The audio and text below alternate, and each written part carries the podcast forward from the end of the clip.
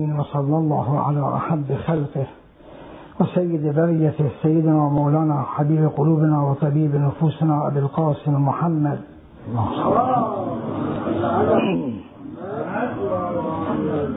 وعلى آله الطيبين الطاهرين المعصومين المنتجبين الغر الميامين لا سيما بقية الله في الأرضين الحجة ابن الحسن المهدي أرواحنا فداه واللعنة الدائمة على أعدائهم وظالميهم وقاتليهم ومنكر فضائلهم ومناقبهم وجاحد حقوقهم قاطبه إلى يوم الدين. آمين رب العالمين. موضوع بحثنا بعون الله تعالى في أمر الإمام المهدي أرواحنا فداه وتحليل طول العمر. لأنها من المباحث الأساسية التي أثيرت حولها الشبهات والأقوال.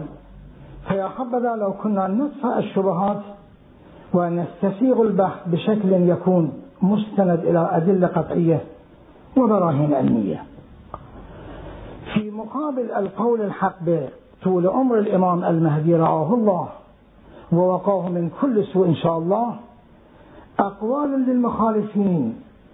جمعها المرحوم الكراتشكي في كنز الفوائد أنها أقوال ثلاثة آراء ثلاثة إيرادات ثلاثة على طول عمر الإمام المهدي أرواح نافذة يقول في كنز الفوائد صفحة 244 اعلم أيدك الله أن المخالفين منهم من ينطق بلسان الفلاسفة فيقول إن طول العمر من المستحيل في العقول ولم يثبت على جوازه دليل. ومنهم من ينطق بلسان المنجمين فيقول إن الكواكب لا تعطي أحدا من العمر أكثر من 120 ومنهم من ينطق بلسان الأطباء وأصحاب الطبايع ويقول إن العمر الطبيعي هو 120 سنة فإذا انتهى إليها فقد بلغ غاية ما يمكن فيه الصحة وتخرج عن العادة. ولعله أغلب الشبهات الأخيرة بالنسبة إلى طول عمر الإمام عليه السلام هي الجهة الأخيرة أنه يشككون من حيث عدم الإمكان طبيا عدم الإمكان عاديا عدم الإمكان في هذا العرف في هذا الزمان. يجاب على هذا الإشكال بجميع جوانبه من وجوه خمسة نتطرق إليها إن شاء الله. أولا على صعيد القرآن الكريم سنتكلم لذلك. ثم على صعيد الروايات المتواترة المتفقة بين الطرفين والفريقين. ثالثا على صعيد الدليل الوجداني الذي هو يكفي عن البيان. رابعا على صعيد الطبيعة البشرية التي قيل أنها خرجت عن العادة فيها طول الأعمار.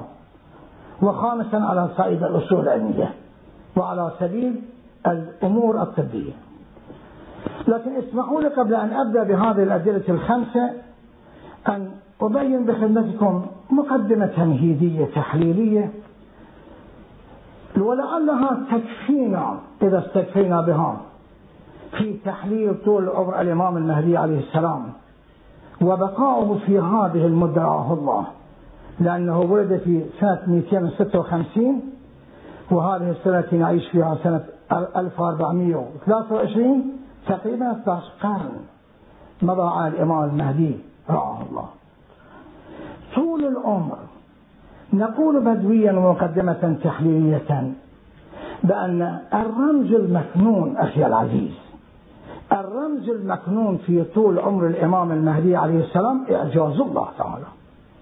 بإبقائه شابا متمتعا بجميع أنحاء الصحة والسلام بحمد الله من دون عوارض الشيء من دون بوادر الدهر من دون موارد الخطر محفوظ بإعجاز الله وإرادته وعزمه وحفظه ورعايته حيث أراد عز وجل أن يظهره على الدين كله. أراد؟ فيحفظ وليه إلى أن يظهره إلى أن تكون ساعة ظهوره على الكون وعلى الدين. الحفظ عن جميع هذه العوارض بحيث يدفع المستحيل كما أشكل أو يدفع خلاف المتعارف كما قيل أو يدفع عدم الملائمة مع الأمور الطبية كما زعم. الذي يدفعه بنحو جزمي وقطعي مسألة إعجاز الله تعالى. بنحو الإعجاز الله تبارك وتعالى حفظ وليه للغاية القصوى والنهاية العظمى التي جعلها له. وهذه الحفاظة من جهة الإعجاز ليس بأمر عزيز أو بأمر عجيب قد يقال بأنه خلاف المتعارف نقول كل إعجاز خلاف المتعارف وأي إعجاز كان بطرق الطبيعة والمتعارف تحويل العصا إلى حية تسعى هل هذا متعارف؟ تحويل العصا إلى أمور أخرى التي كان يصنعها موسى هل كان متعارف؟ تحويل الحصى في يد رسول الله إلى لسان ينطق. هل هذا متعارف؟ كله غير متعارف إذا كان طول عمر الإمام المهدي وثبت أنه بنحو الإعجاز الإلهي تندفع جميع الشبهات. لا نحتاج إلى استدلال إطلاقا. إعجاز إلهي سبق مثله. ودل الدليل عليه كما سنبينه.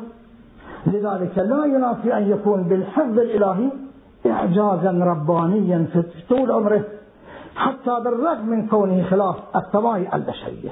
فكيف أنه سيلائم؟ سنقول بملائمته لطبيعة البشرية. لا غير ولا عجب في أن يحفظ الله وليه. ليس بأول أمر الإمام المهدي أو أولياء الله. الحفظ الإلهي سبق لأوليائه لرسول الله لأمير المؤمنين حفظ الله أمير المؤمنين من الأخطار القطعية ماء بالماء لا بس يناسب أيام الأمير ليالي الأمير أن نتعرض إلى ذكر علي فإنها عبادة.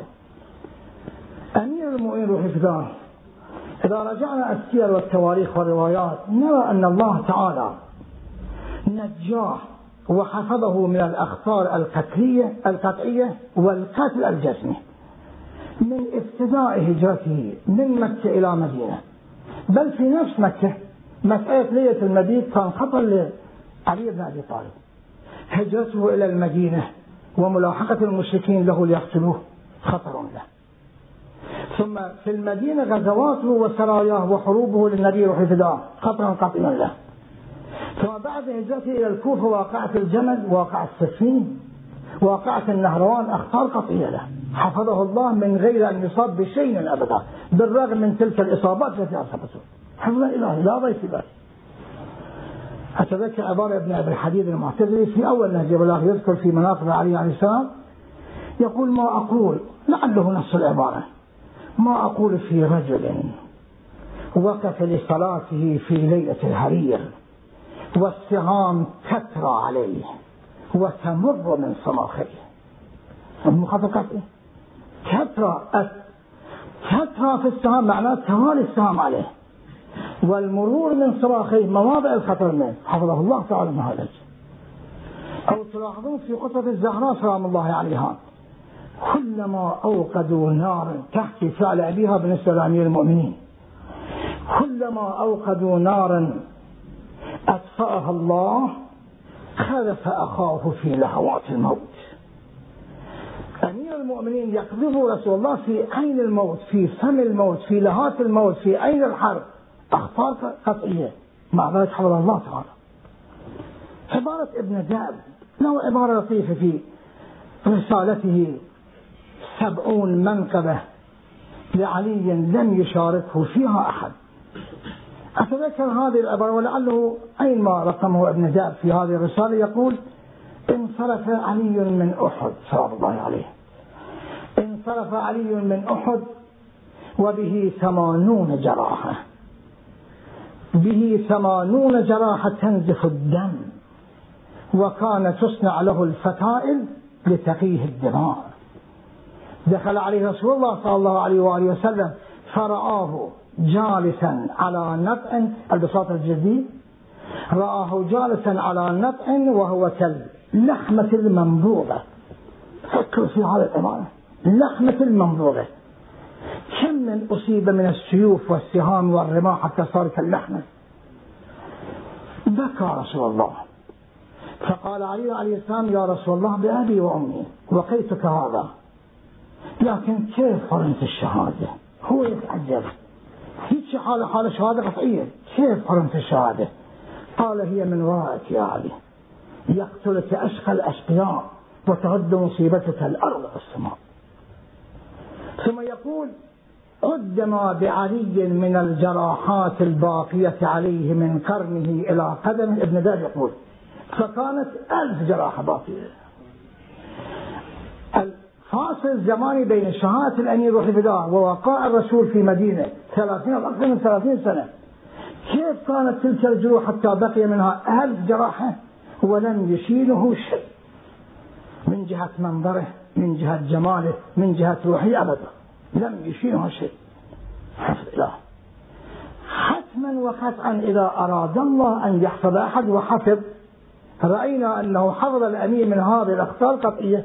فكيف لا يحفظ لا يحفظ ابنه؟ لا يحفظ ولده الذي أراد أن يظهره على الدين؟ يملأ به ألعاب في العالم؟ ليس هذا بخير.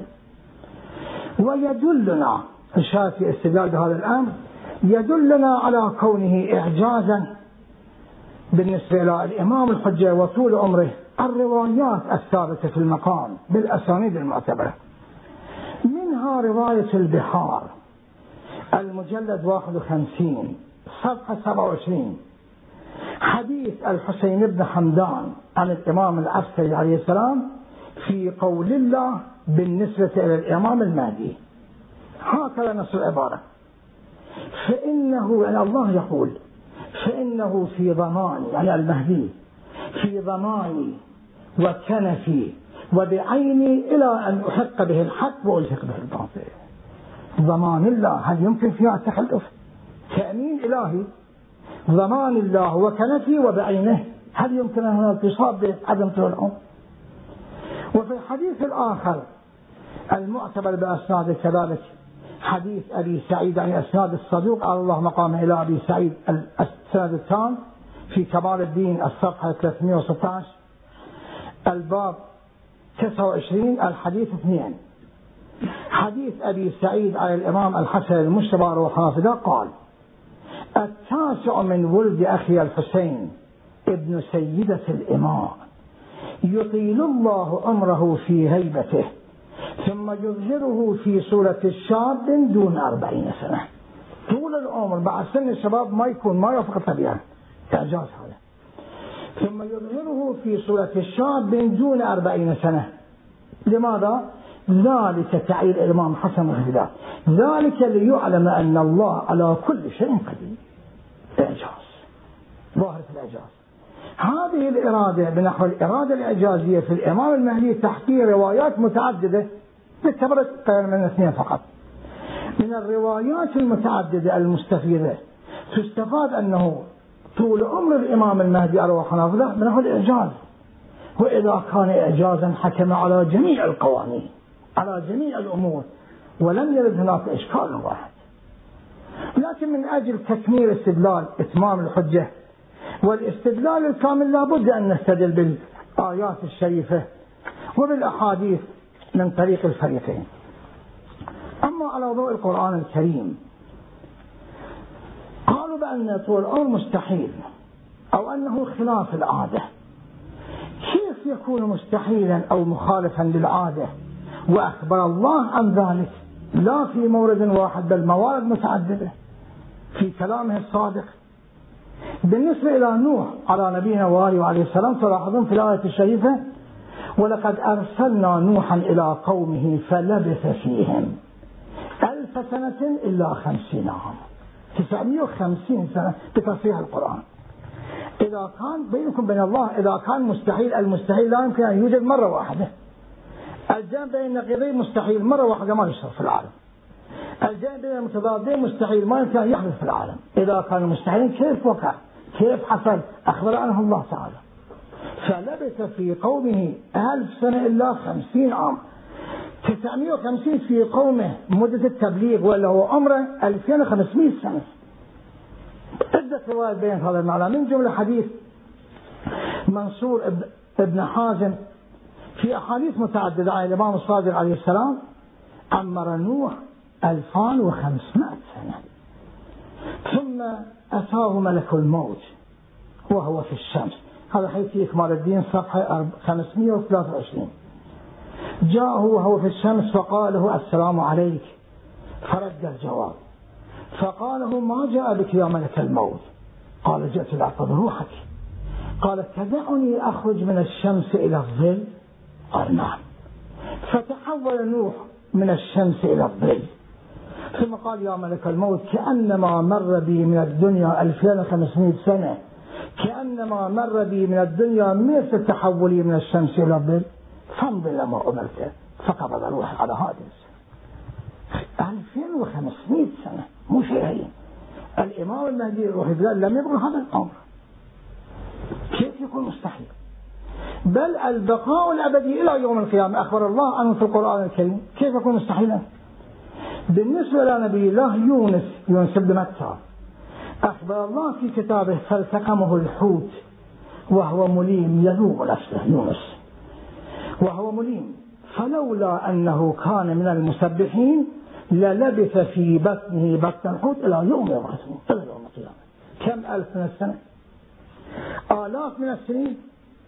لبث في بطنه إلى يوم يبعثون. الله يخبر لولا هذا التسوية لكان لابثا والظاهر من الآية والله العالم أن لبث حيا كما فسره العامة والخاصة. أما من الخاصة كنز الدقائق المجلد 11 صفحة 184 فسره وفسر عن علماء الشيعة. لبث حيا وأما من العامة الكشاف للزمخشري المجلد 4 صفحة 160 للبث حيا يفسرون اللبث اللبث حيا بل قد يقال أن نفس كلمة اللبث في العربية لعله توافق الحياة لا الموت. فسره الراغب في المفردات صفحة 446 اللبث لغة الإقامة بالمكان والملازمة له. الإقامة. من يقيم الميت؟ لا يقوم في مكان لا يلازم مكانا. المناسب للإقامة والملازمة هي الحياة. اللام في اللغة الإقامة بالمكان والملازمة له. تناسبه أن يكون اللفظ حيا لغة وتفسيرا للبث في بطن يعني حيا إذا يمكن أن يلبس يونس وهو من البشر. في أي مكان يلبس لاحظوا؟ يلبس في بطن الحوت. لا هواء لا غذاء لا ماء بدون أي أمور الحيوية. يلبس إلى يوم العصر يونس يلبس في بطن الحوت ولي الله مختار الله لا يلبس في عالم الدنيا. يمكن أن يقال هذا الشيء. لذلك القول بالاستحالة وعدم العادة ما دام وقعت في الخارج أكثر من مرة لذلك لا يمكن أن يكون مستحيلا أو مخالفا للعادة. على هذا الإمكان إمكان طول العمر لا يوافق القرآن الكريم وإنما القرآن يستفاد من إمكان طول العمر بل وقوعه في الخارج.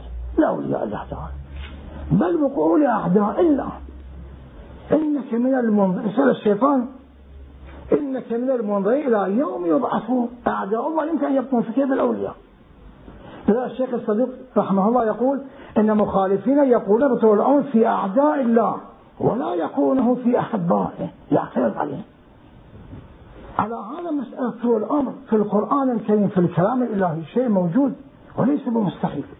بل أخبر بطول العمر خصوصا طول عمر نوح الكتب المقدسة السابقة أخبروا عن ذلك. مثلا للمثال الموجود في التوراة سفر التكوين الإصحاح خمسة. في ثلاث آيات خمسة وثمانية وأحد عشر. الإشارة إلى طول عمر موجود في الكتب المقدسة لذلك مسألة مخالف مخالفة للإمكان والاستحالة مما يرده القرآن الكريم ولا الصعيد القرآن. وأما من حيث الأحاديث الشريفة في السنة المباركة الأحاديث متضافرة بل متواترة. اخترنا منها عشر من الأحاديث بالأسناد الصحيحة ليحصل بها العلم لكن رواية واحدة نقل اعتبرت فقط. متواترة من طريق الخاصة ومن طريق العامة.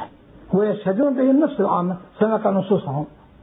يشهدون به منهم فكيف يقال بالاستحالة أو بعدم الإمكان أما من أحاديث الخاصة فصريح حديث صحيحة سدي الصيرفي المروي في كمال الدين صفحة 357 الباب 33 حديث 50 المفضل عن الإمام الصادق عليه السلام جاء فيه. وأما العبد الصالح أعني الخير الذي أعطاه الله من العون ما يقارب أربعة آلاف سنة. لأنه حفيد نوح إلياس ابن إرفاكس ابن سام ابن نوح حفيد نوح النبي.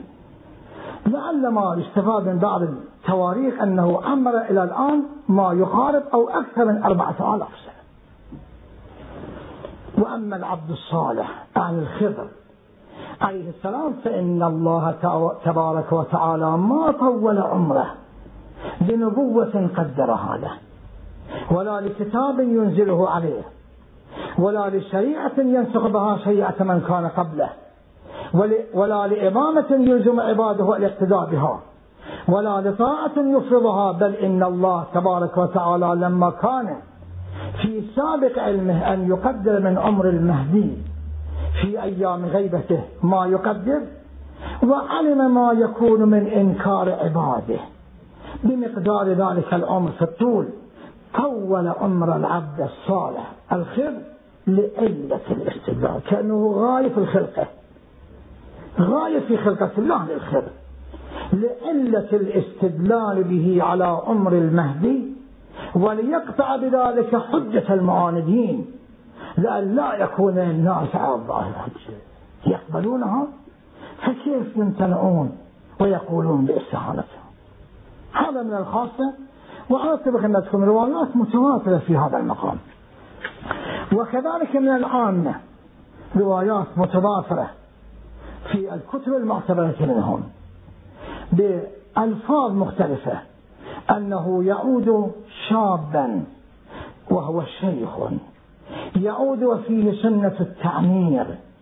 يعود وهو مثل الخير بألفاظ مختلفة في روايته ينقلها ينقل تلك الروايات ويعترف بصحتها وصلاحتها. في كتاب البيان في صاحب الزمان الكنجي الشافعي يقول أما بقاء المهدي فقد جاء في الكتاب والسنة. أما الكتاب لاحظ الاستدلال. أما الكتاب فقد قال سعيد بن جبير في تفسير قوله عز وجل ليظهره على الدين كله ولو كره المشركون. المهدي من أسة فاطمة بإشارة هذه الآية. إشارة لطيفة يتنبه له هذا الشخص لاحظوا الله تعالى يقول ليظهره. مو ليبعثه. إذا كان ليبعثه يمكن بعد الموت البعث يكون بعد الموت لكن الظهور بعد الخفاء. المهدي خفي يظهره الله على الكون يتبع هذه النقطة. الله تعالى قال ليظهره. سعيد بن جبير يفسره بظهور الإمام المهدي بعد أن كان له من العمر والحياة. وأما السنة قول الكنجي الشافعي. وأما السنة فما تقدم في كتاب أحاديث التي بينتها لكم من جهة ألفاظها وهي صريحة صحيحة في هذا المقام. وكذلك ما يقرب من هذا البيان والتعبير بينه القندوزي في ينابيع المودة وعبد الوهاب الشعراني في اليواقيت والجواهر وخاج محمد فارسة في فصل الخطاب وابن حجر في القول المختصر وشهاب الدين الهندي في هداية السعداء كما أحصى الأقوال والقائلين والروايات في إحقاق الحق المجلد 19 صفحة 698 من جهة الروايات. بين الفريقين. لا استحالة فيها. إخبار صادق مصدق الجهة لذلك مما لا يكاد ينقل التعجب عنه أن بعض المخالفين أن بعض المنحرفين ادعى شيئا سفسطة سفسطة ظاهرة وكذبا محضة جاء في بعض كتب المنحرفين الشيعة تدعي طول عمر الإمام المهدي ورواياتهم تكذب طول عمر المهدي وتقول لو مد الله في أجل أحد من بني آدم لمد الله في أجل رسول الله. وهي من رواياتهم نحن نقول بأن الإمام المهدي طويل العمر الفداء وإمامنا يقول أنه المهدي يكذب هذا الناس. ليس بطويل العمر لو مد الله في أجل أحد لمد الله في أجل رسول الله. قصة ظاهرة أخي العزيز. لماذا؟ الرواية التي يشير إليها هذا الشخص موجود في بحار الأنوار. من روايات محمد بن أبي عمير الأزدي رضوان الله عليه صاحب المراسيل المعتبرة. يرويها عن الإمام الرضا يعني عن شخص من أصحابنا عن الإمام الرضا عليه السلام. الحديث في بحار الأنوار المجلد 48 الباب 44 الحديث 25 دقوا في الحديث. قلت للرضا عليه السلام جئت بدار. قوم قد وقفوا على أبيك يعني الواقفة علي بن أبي حمد البطائني وأمثاله. قوم قد وقفوا على أبيك يزعمون أنه لم يمت. قال الرضا الاختلاف كذبوا. من كذبوا؟ الذين وقفوا على أبيه مو من قال بدخل على الإمام حج. كذبوا وهم كفار بما أنزل الله عز وجل على محمد صلى الله عليه وآله. ولو كان الله يمد في أجل أحد من بني آدم لحاجة الخلق إليه لمد الله في أجل رسول الله. الرواية في صاد النقد على قول الواقفية. وترد قول الواقفية أولا مو ترد طول أمر الإمام المهدي كما ادعى وحرف وزور في سفرة له. هذا أولا. ثم الحديث بمتنه حتى لو لم يكن في هذا المقام بهذه القرينة لا يحتمل أن يكون ردا على طول أمر الإمام المهدي رحمه ليش؟ لو كان الله يمد في أجل أحد من بني آدم لحاجة الخلق إليه. لا منافاة. أن لا يمد لأجل في الأجل لحاجة الخلق إليه يمده لإظهار دينه. يمده لانتشار عدله لظهور دولته. التعليل في هذا الحديث يحصل بمورده المد في الأجل لاحتياج الخلق لو كان كان في رسول الله نحن لا نقول هذا الشيء. المد في أجل الإمام المهدي لأجل أن يظهره على الكون كله لا مو لإحتياج الخلق له. هذا ثانيا. ثم ثالثا أصلا الرواية أجنبية عن الاستدلال بهذا المقام. ليش؟ لو كان الله يمد في أجل أحد مو في عمر أحد. هناك فرق بين الأجل وبين العمر شخص له أجل في يوم كذا يمد الله في أجله يقدر أجله في اليوم الآتي بعده. في سنة وراءها في مئة سنة وراءها يمد في الأجل لكن مسألة المد في العمر غير المد في الأجل الله تبارك وتعالى جعل أجل الإمام المهدي بعد الظهور. من أول الأمر أجله مؤجل أجله ممدد لم يمد في أجله.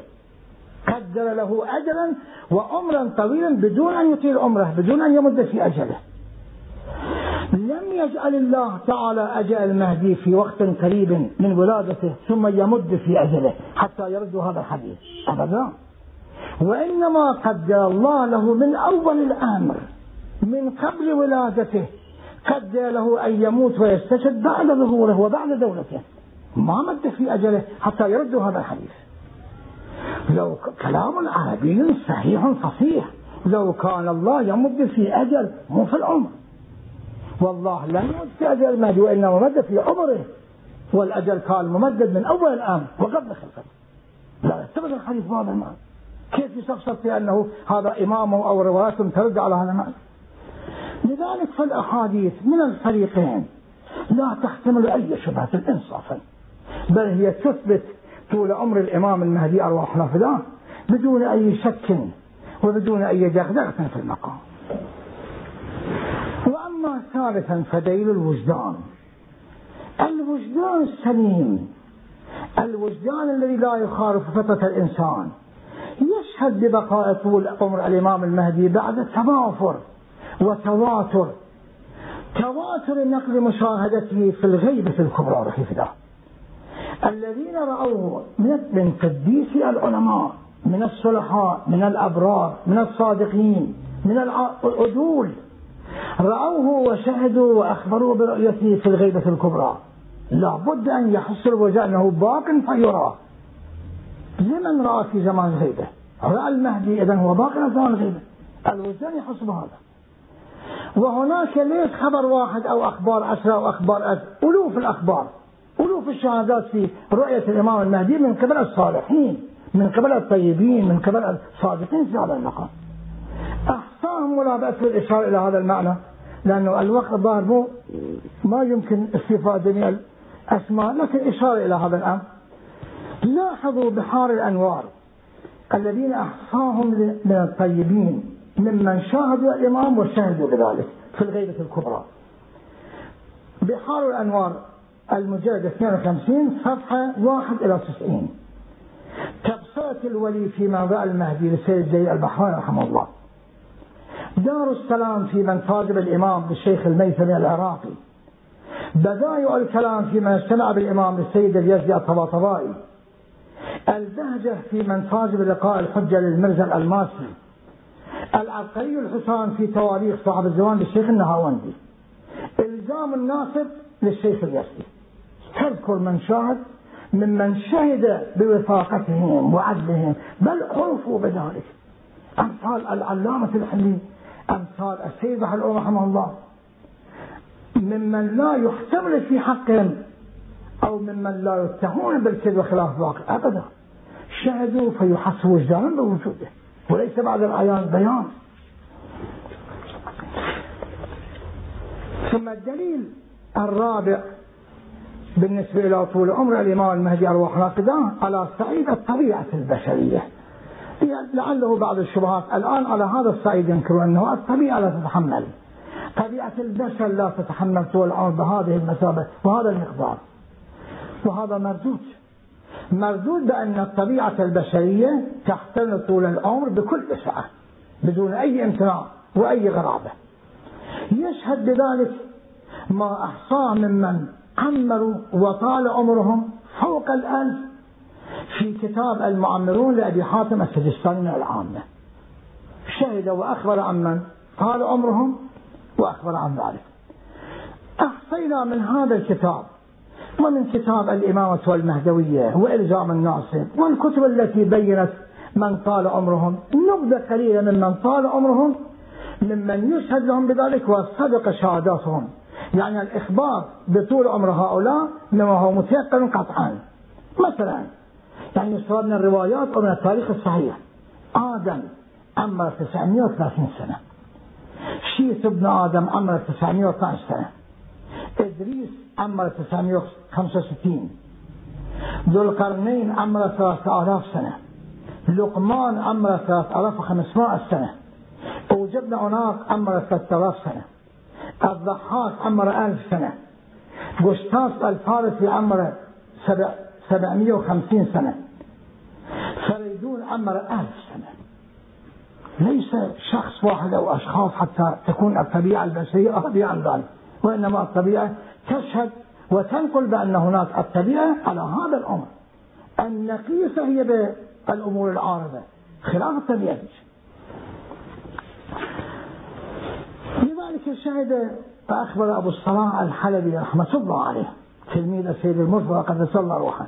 في تقريب المعارف صفحة 449 قصد بيان الإجماع من هذا الشخص من هذا العالم الجليل. قال أبو الصلاح أما استبعاد طول عمر الإمام الحجة عليه السلام فالمعلوم خلافه نعلم خلافه علم أدب الخلاف لكن طويل العمر.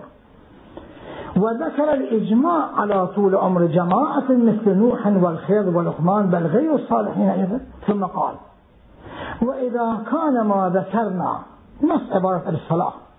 إذا كان ما ذكرنا من أعمار هؤلاء معلوما لكل سامع للأخبار وفيهم أنبياء صالحون وكفار معاندون وفساق مؤمنون سقط دعوى خصومنا. كون أمر الغائب خارقا للعادة الأخير. عدة كثيرة عمروا كثيرا فحصلت بهم العادة. لثبوت أضعاف ما انتهى إليه من المدة. أربعة آلاف عمر خضر هل ذاك أكثر عمر الإمام المهدي؟ لثبوت أضعاف ما انتهى إليه من المدة لأبرار وفجار. لذلك مسألة الطبيعة البشرية التي استدل بها على إشكال في طول عمر الإمام المهدي لا الطبيعة تؤيد طول العمر. على صعيد الطبيعة البشرية تؤيد طول عمر الإمام المهدي أرواح رافضة وأما خامسا على صعيد الأصول العلمية. وأتذكر لعله قبل ليلتين بعض الإخوان على الإنترنت سأل أنه هل يمكن إثبات لعله هذا التعبير. هل يمكن إثبات طول عمر الإمام المهدي بحسب الأصول الطبية؟ بحسب الموازين الطبية هل يمكن إثبات طول عمره؟ هذا سؤال كان. وعدنا بأنه سنجيب عنه ولعله الآن وقت الإجابة. مسألة التحقيقات التجريبية المطالعات العلمية في العلم الحديث تؤيد ما بالماء أخي العزيز تؤيد طول عمر الإمام رحمه الله. بل تؤيد طول العمر طول عمر البشر برمته بعد بيان ما يلزم في طول العمر من هؤلاء الخبراء. نص واحد لا أطيل عليكم. نص واحد. نقله من باب خبراء. هذا الفن من الجراحين والأطباء. المشتغلين في الجراحة في هذه المسألة نص واحد أنقله ملخصا. يعني بعض النصوص. من مجلة المقتطف المصرية. العدد ثلاثة. السنة 1959 تقريبا 43 سنة قبل. صفحة 283 أنا نقلت صورت ثلاث صفحات من هذه المجلة بعض النصوص وبعض العبارات أقراها لتعلموا أنه على الصعيد الطبي ولسؤال ذلك الأخ الكريم على الصعيد الطبي يمكن بل يعلم إمكان طول العمر بل هو محقق فعلا. في نصوص وكلمات كثيرة أنقل بعضها اختصارا. يقول العلماء الموثوق بعلمهم. يقولون أن كل الأنسجة الرئيسية من جسم الحيوان تقبل البقاء إلى ما لا نهاية. بل والإنسان أيضا يقبل البقاء حيا ألوفا من السنين لم تعرض عليه عوارض تسلم حبل حياته. وقولهم هذا ليس مجرد نظرية بل هي عملية مؤيدة بالامتحان بالامتحان. فقد تمكن أحد الجراحين من قطع جزء من الحيوان وإبقائه حيا أكثر من السنين التي يحياها. وهذا الجراح هو الدكتور ألكسي كاريل من المشتغلين في معهد روكفلر. امتحن ذلك في قطع من جنين الدجاج فبقيت تلك القطعة حية نامية أكثر من ثمان سنوات.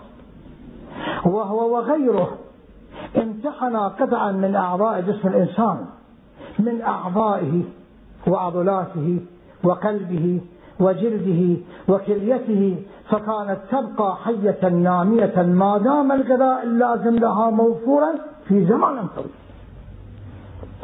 حتى قال الأستاذ ديمين ويرول من أساتذة جامعة هوبيجنز أن كل الأجزاء الخلوية الرئيسية من جسم الإنسان قد ثبت. قد ثبت أن خلودها بالقوة بل هو مثبت بالامتحان. ثم أثبت الدكتور ويرون لويس أنه يمكن وضع أجزاء خلوية صناعية في جسم الإنسان وتوالت التجارب. فظهر أن الأجزاء الخلوية في أي حيوان وأي إنسان يمكن أن يعيش بل يمكن أن يتكاثر ما دام له الغذاء المناسب. شرع في بيان تجارب الدكتور من الدكتور من إلى أن حصل نتيجة. وفي النتيجة حصلت من التجارب أولا أن هذه الأجزاء الخلوية تبقى حية ما لم يعرض لها عارض يميتها ثانيا أنها لا تكتفي لا, يك... لا تكتفي بالبقاء حية بل تنمو خلاياها وتتكاثر. لأن من الشبهات المطروحة في علم الطب يعني بعض المستشفين طبيا أنه الخلايا تموت. يمكن تجديد الخلايا تكاثر الخلايا الصد موتها تنمو خلاياها وتتكاثر. ثالثا أنه يمكن نموها وتكاثرها ومعرفة ارتباطها بالغذاء. ورابعا أنه لا تأثير للزمن عليها حتى أنها تشيخ وتضعف بمرور الزمن. فشيخوخة الأحياء ليست سببا بل هي نتيجة. تبقى؟ لا أنها شاخت فتموت شاخت فتضعف شاخت لا تضعف ولا تبقى. وذكر الاستدلال على ذلك والاستناد إلى التجارب التي من أطباء وجراحين أدى نقلهم في هذا المقام. لذلك على صعيد الأصول الطبية الأصول العلمية لا ينفى بل يؤيد مسألة طول فطول عمر الإمام المهدي أرواح الله بالإضافة إلى الاستدلال الرئيسي الذي عرفت بخدمتكم مسألة الإعجاز يمكن الاستدلال له بالأمور الخمسة ويثبت طول العمر وهو واقع ورعاه الله تعالى من كل سوء إن شاء الله. اللهم كل وليك الحجة ابن الحسن المهدي صلواتك عليه وعلى آبائه في هذه الساعة وفي كل ساعة وليا وحافظا وقائدا وناصرا ودليلا وعينا. حتى تسكنه أرضك توعى وتمتعه فيها طويلا. اللهم وعجل فرجه الشريف اجعلنا من أصحابه وأعوانه ومخلصيه وتابعيه والممتثلين لأوامره. وهبنا رأفته ورحمته ودعاءه وخيره وإحسانه. ببركة الصلوات على محمد وآل محمد. اللهم صل على محمد وعلى وصحبه